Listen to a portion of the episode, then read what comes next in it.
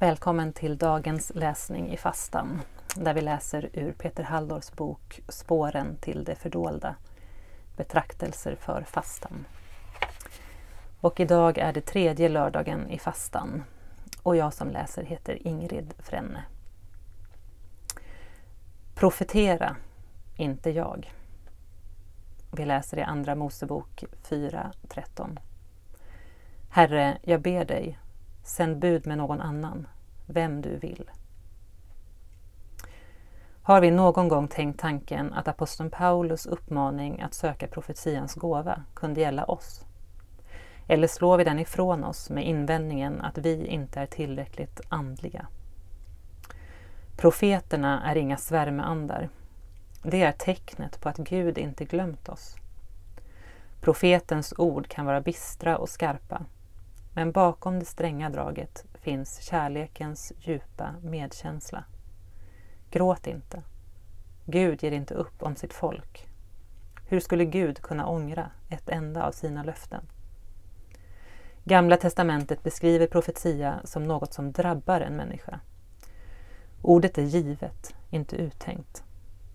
När profeterna säger Herrens ord kom till mig använder hebreiskan ett ord som bäst översätts med händelse. Guds ord drabbade mig. Något hände som fick en människa att inte bara höra Guds röst, men träffas av Guds patos. Profeterna våndas inför att tala och de våndas över att inte tala.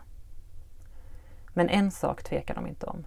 De vet att Gud talar, när Gud talar och hur Gud talar.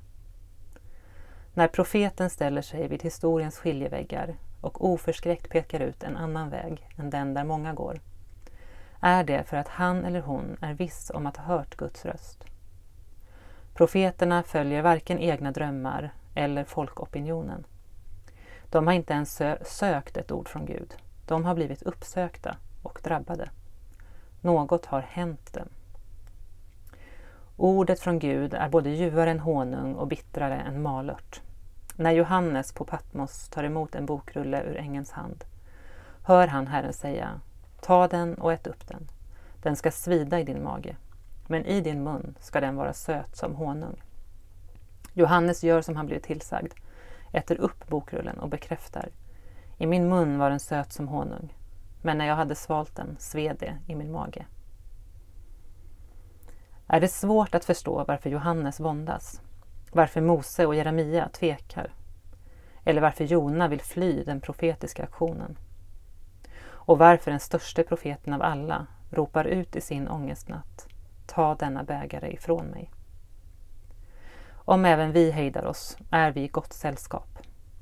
Men hur skulle vi kunna tiga med vad som har hänt oss? Var gärna med i en bön.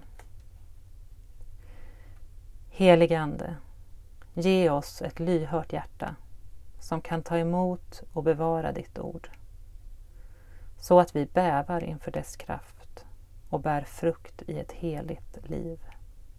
Amen.